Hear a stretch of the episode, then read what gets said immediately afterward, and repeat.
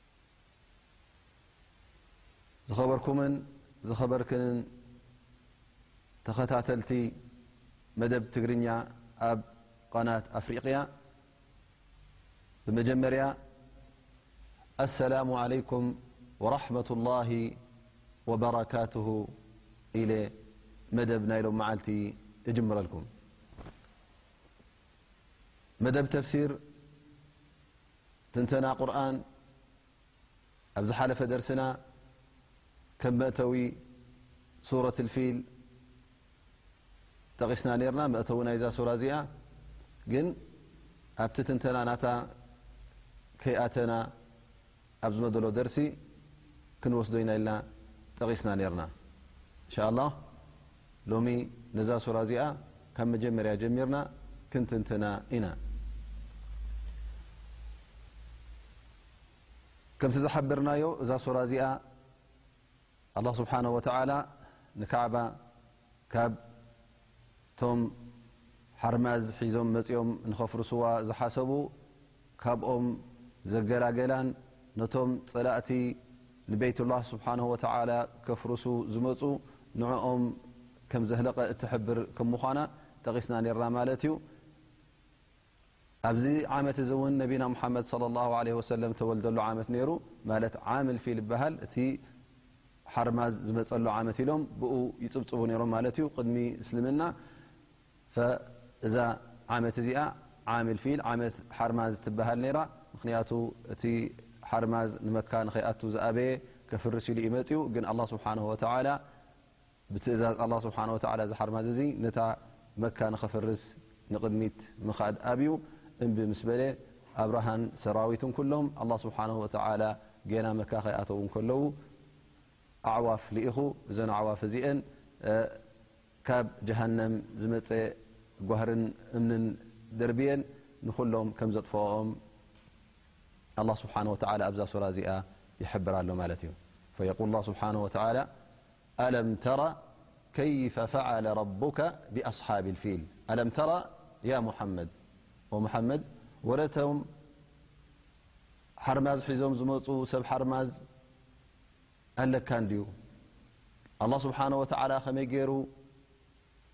ከም ዘጥፍኦም ወሬኦም ኣለካ እንድዩ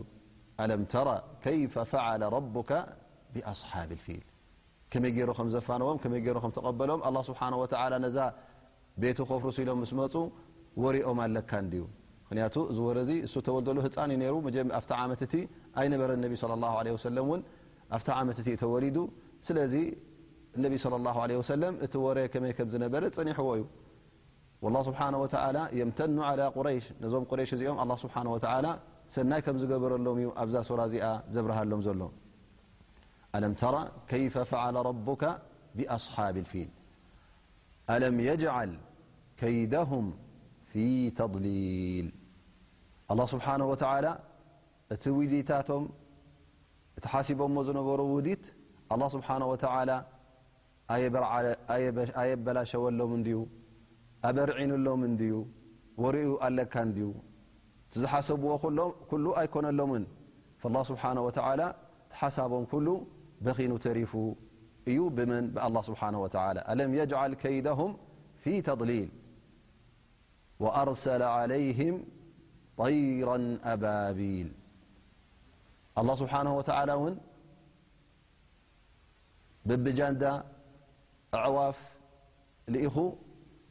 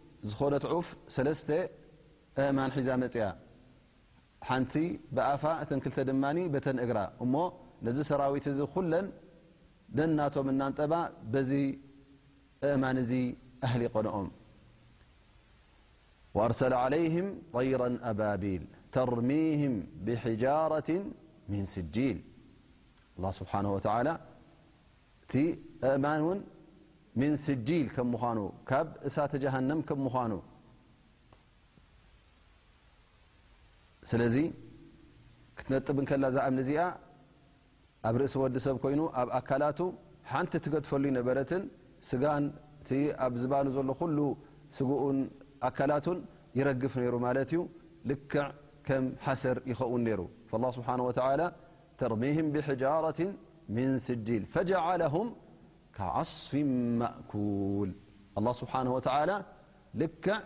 ከም እተበልዐ ሓሰር ወይ ከም እተሓየኸ ቃንጫ ገይርዎም ማለት እዩ ወይ ውን ከም እተበልዐ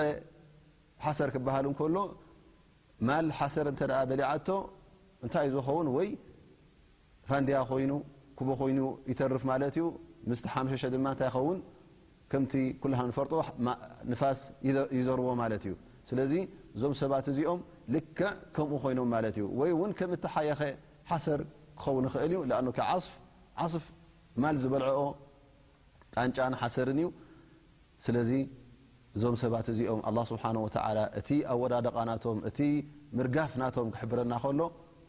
ከዓስፊን ማእኩል ኢሉና ልክዕ ከም እተሓየኸን እተበልዐን ሓሰር ኮይኖም ተሪፎም ኢሉ ኣላ ስብሓን ወተዓላ ንቁሬሽ ንዓና እዚ ነገር እዚ ከም ተረኽበ የረጋግፀልና ኣሎ ብክእለቱ እውን ከም ምዃኑ ህዝቢ መካ ኩሎም ንኣብርሃ ምስ ሰራዊቱ ምስ ሓርማዙ ክገጥምዎ ከም ዘይክእሉ ኢዶም ምስ ሃቡ ኣላህ ስብሓነሁ ወተዓላ ባዕሉ ነታ ቤቱ ጌና ነቢና ሙሓመድ ሰለላሁ ዓለይሂ ወሰለም ከይተወልደ፣ ጌና ነቢና ሙሓመድ ሰለላሁ ዓለይሂ ወሰለም ከይተላእከ እንከሎ ነዛ ቤት እዚኣ ቤይቱላህ ስለ ዝኾነት ነቢላህ እብራሂም ስለ ዝተኸላ ኣላህ ስብሓነሁ ወተዓላ እውን ብናቱ ሓይሊ ሓሊዋ ማለት እዩ። ከም ዝሓለዋ እውን ይጠቕሰልና ኣሎ። እቶም ቁረይሽ ድማ እዚ ናይ ኣላህ ስብሓነሁ ወተዓላ ሽሻይ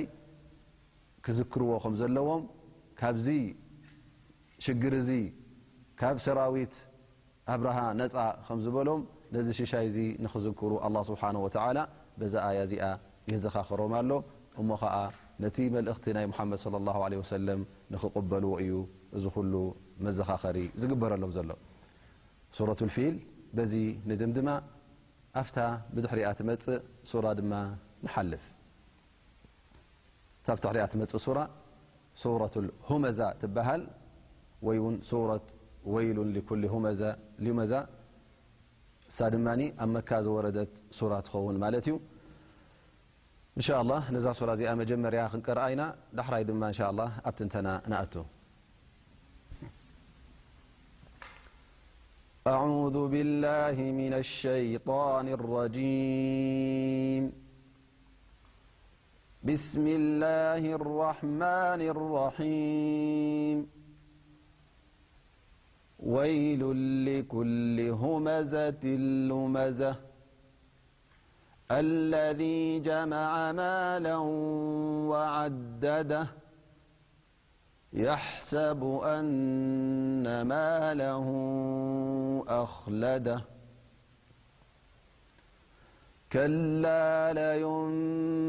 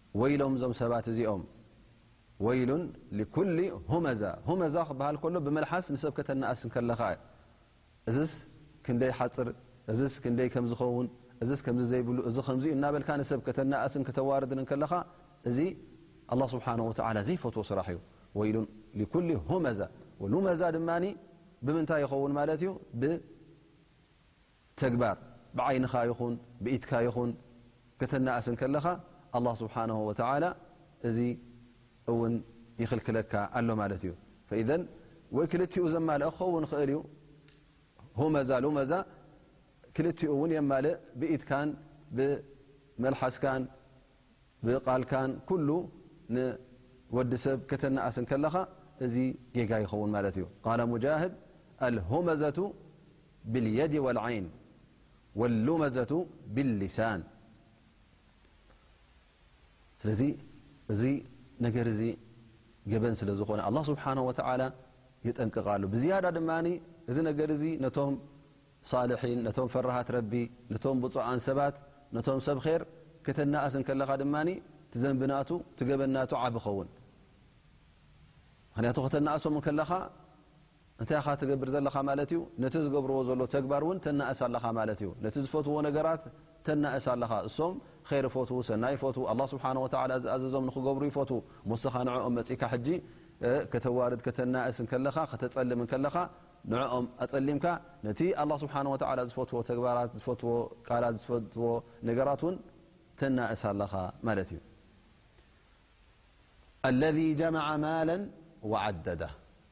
ከምኡውን ኣላህ ስብሓነ ወተዓላ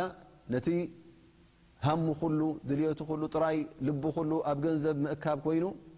ነዚ ገንዘብ ለይትን መዓልትን እናፈቐደ ሃለውኡ ዝረስዐ ሰብ እውን ወይሉ ይብሉ ኣላ ኣላ ስብሓን ወተዓላ ወይሉ እዚ ሰብ እዚ ወይልኻ ምክንያቱ ሃምኻን ሓሳብካን ጥራይ ናይ ኣዱንያ ኮይኑ ገንዘብ ጥራይ ንምእካብ ንምቑጻር ንምጽብጻብ ሎም መዓልቲ ክንደይ ኣእትየ ክንደይ ወሲኸ እናበልካ እቲ ገንዘብ ዝሃበካ ኣላህ ስብሓነሁ ወተዓላ ረሲዕካ ንዕኡ ክንዲ ተመስግን እንታይ ደኣ ጥራይ ኣብ ምጽብጻቡ ትኣቱ ከምዚ ባዕልኻ ብሓይልኻ ዘምጻእካዮ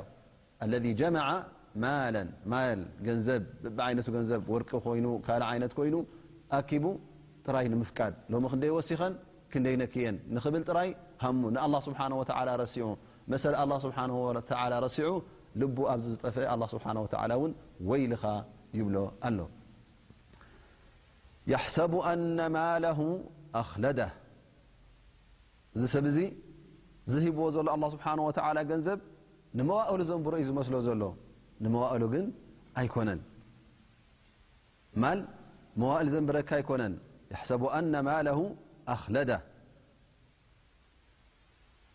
መጀመርያ ኣዘንጊዑካ ካብ ኣላህ ስብሓነሁ ወተዓላ፣ እንደገና እውን እንታይ ይመስለካ እዚ ገንዘብ እዚ ምሳኻ ዝነብር ንስኻ እውን ምስኡ እትነብር ንመዋእልኩም ብሓደ ኣብዛ ዓዲ እዚኣ ኣብዛ መሬት ኣብዛ ዱንያ እዚኣ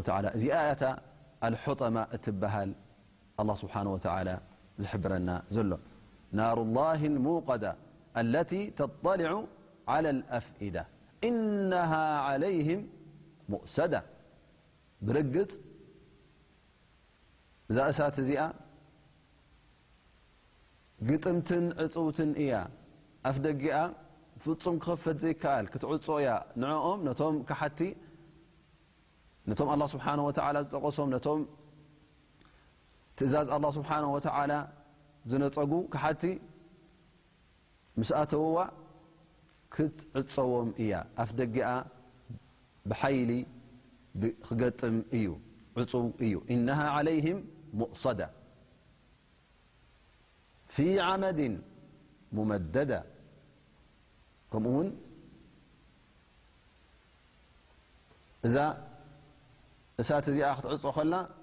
እቲ ማዕጾታታ ኣብ ኣዕንዲ ኣብ ዓንድታት እተኣሰረ እዩ። ስለዚ ዓንዲ ስለ ዝኾነ ተሪር ዓንዲ ስለ ዝኾነ ነቲ ማዕጾ እውን ከም ዘይክፈት ገይርዎ ማለት እዩ። ኣላህ ስብሓነ ወተዓላ እንታይ እዩ ክሕብረና ዝደሊ ዘሎ ኣላህ ስብሓነ ወተዓላ እዞም ሰባት እዚኦም ኣብ እሳተ ጀሃንም ምስ ኣተው ምስ ተዓጸወት እውን ፈጺሞም ካብኣ ክወጹ ከም ዘይክእሉ ኣላህ ስብሓነሁ ወተዓላ ዝዓጸዎ ወዲ ሰብ ክኸፍቶ ከም ዘይክእል ኣላህ ስብሓነሁ ወተዓላ ዓጽይዎም እዩ ካብዛ ጀሃንም ድማ ክወጹ ከም ዘይክእሉ ኣላህ ስብሓነሁ ወተዓላ ይሕብረና ኢዘን እቲ ኣፍ ደገናታ ኣብ ኣዕንዲ ተኣሰረ እዩ ወይ ከዓ ንሶም እቶም ካሓቲ ኣብ ዓንድታት ጀሃነም ውን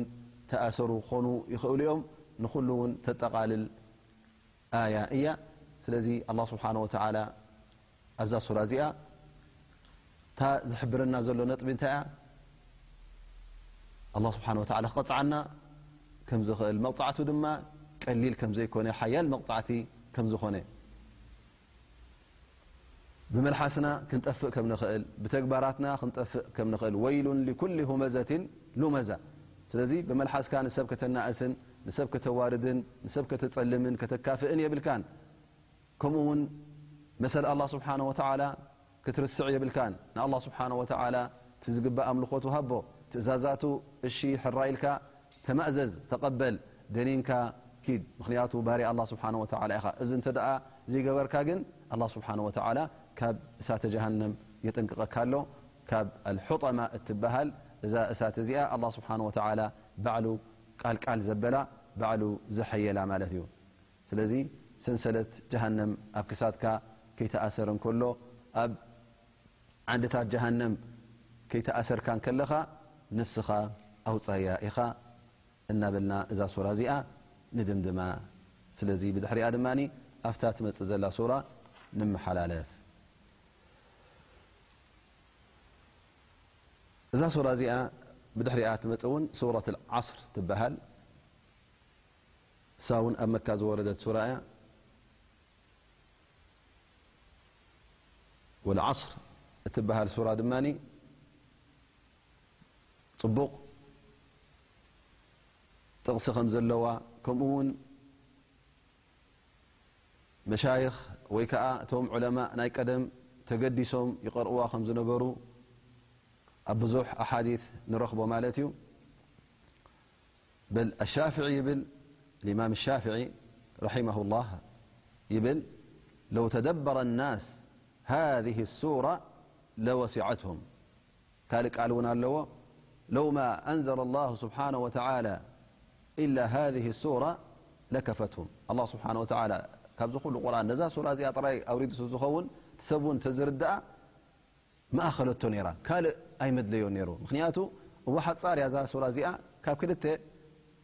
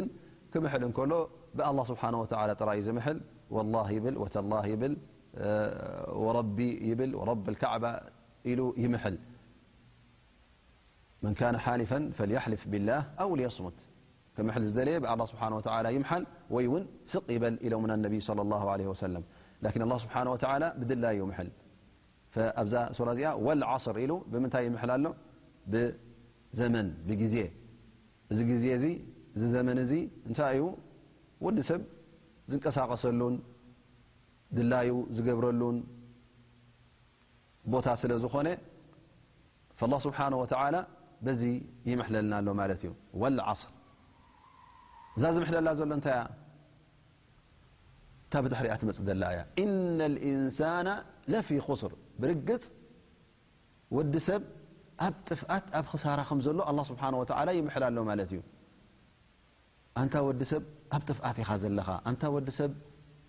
ኣብ ኽሳራ ኢኻ ዘለኻ ኢነ ልእንሳነ ለፊ ኹስር ባእ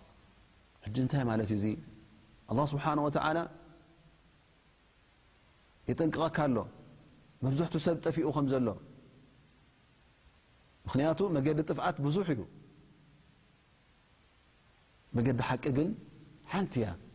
ስለዚ እቶም ፈቐድኡ ዛሕ ኢሎም ዘለዉ እተፈላለየ መንገዲ ሒዞም ዘለዉ መገዲ ሓቂ ከይሓዙ ንየማን ንጸጋም ንድሕሪት ዝብሉ ዘለዉ እዞም ሰባት እዚኦም ኣብ ጥፍኣት ከም ዘለዉ ኣላ ስብሓን ወተዓላ ይሕብር ኣሎ ማለት እዩ መን ዳኣ ኣሎም ያ ኣላ እቶም ኣብ መንገዲ ሓቂ ዘለዉ መን ዳኣ ኣሎም እቶም መገዲ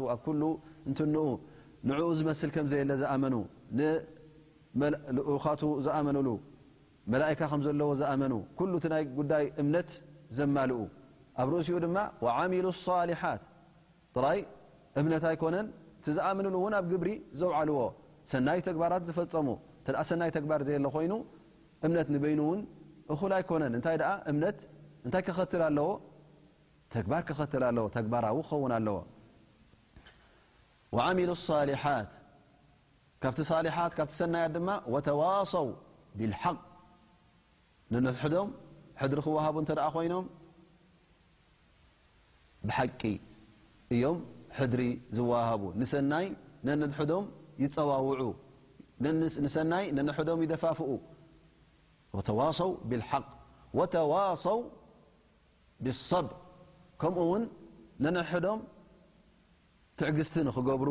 ኣላህ ስብሓነሁ ወተዓላ ዘውረደሎም ሽግራት ንኽቕበሉ፣ እቲ ወሪድዎም ዘሎ ኹሉ ኣልሓምዱሊላህ ኢሎም ሰብርን ትዕግስትን ገይሮም ንኽቕበሉ፣ ኣላህ ስብሓነሁ ወተዓላ እዞም ሰባት እዚኦም ነንሕዶም ሕድሪ ዝሃቡ እዚኦም እዮም ኣብ መገዲ ኼር ኣብ መገዲ ሰናይ ዘለዉ፣ እዚኦም እዮም መገዲ ኽሳራ ዘይፈለጡ፣ ካልእ ሰብ ግን እዚ ነገር እዚ ዘይገብር ካብ ኮነ ኣብ ምንታይ እዩ ዘሎ ኣብ ጥፍኣት ኣብ ኽሳራ እዩ ዘሎ። ስለዚ እዚ ጻውዒት እዚ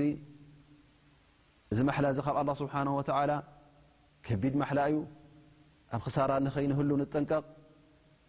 በል ገለ ካብቶም ዝሓለፉ ኣስሓብ ነቢ ሰለላሁ ዓለይሂ ወሰለም እንተ ደኣ ተራኺቦም ክፋነዉ እንከለዉ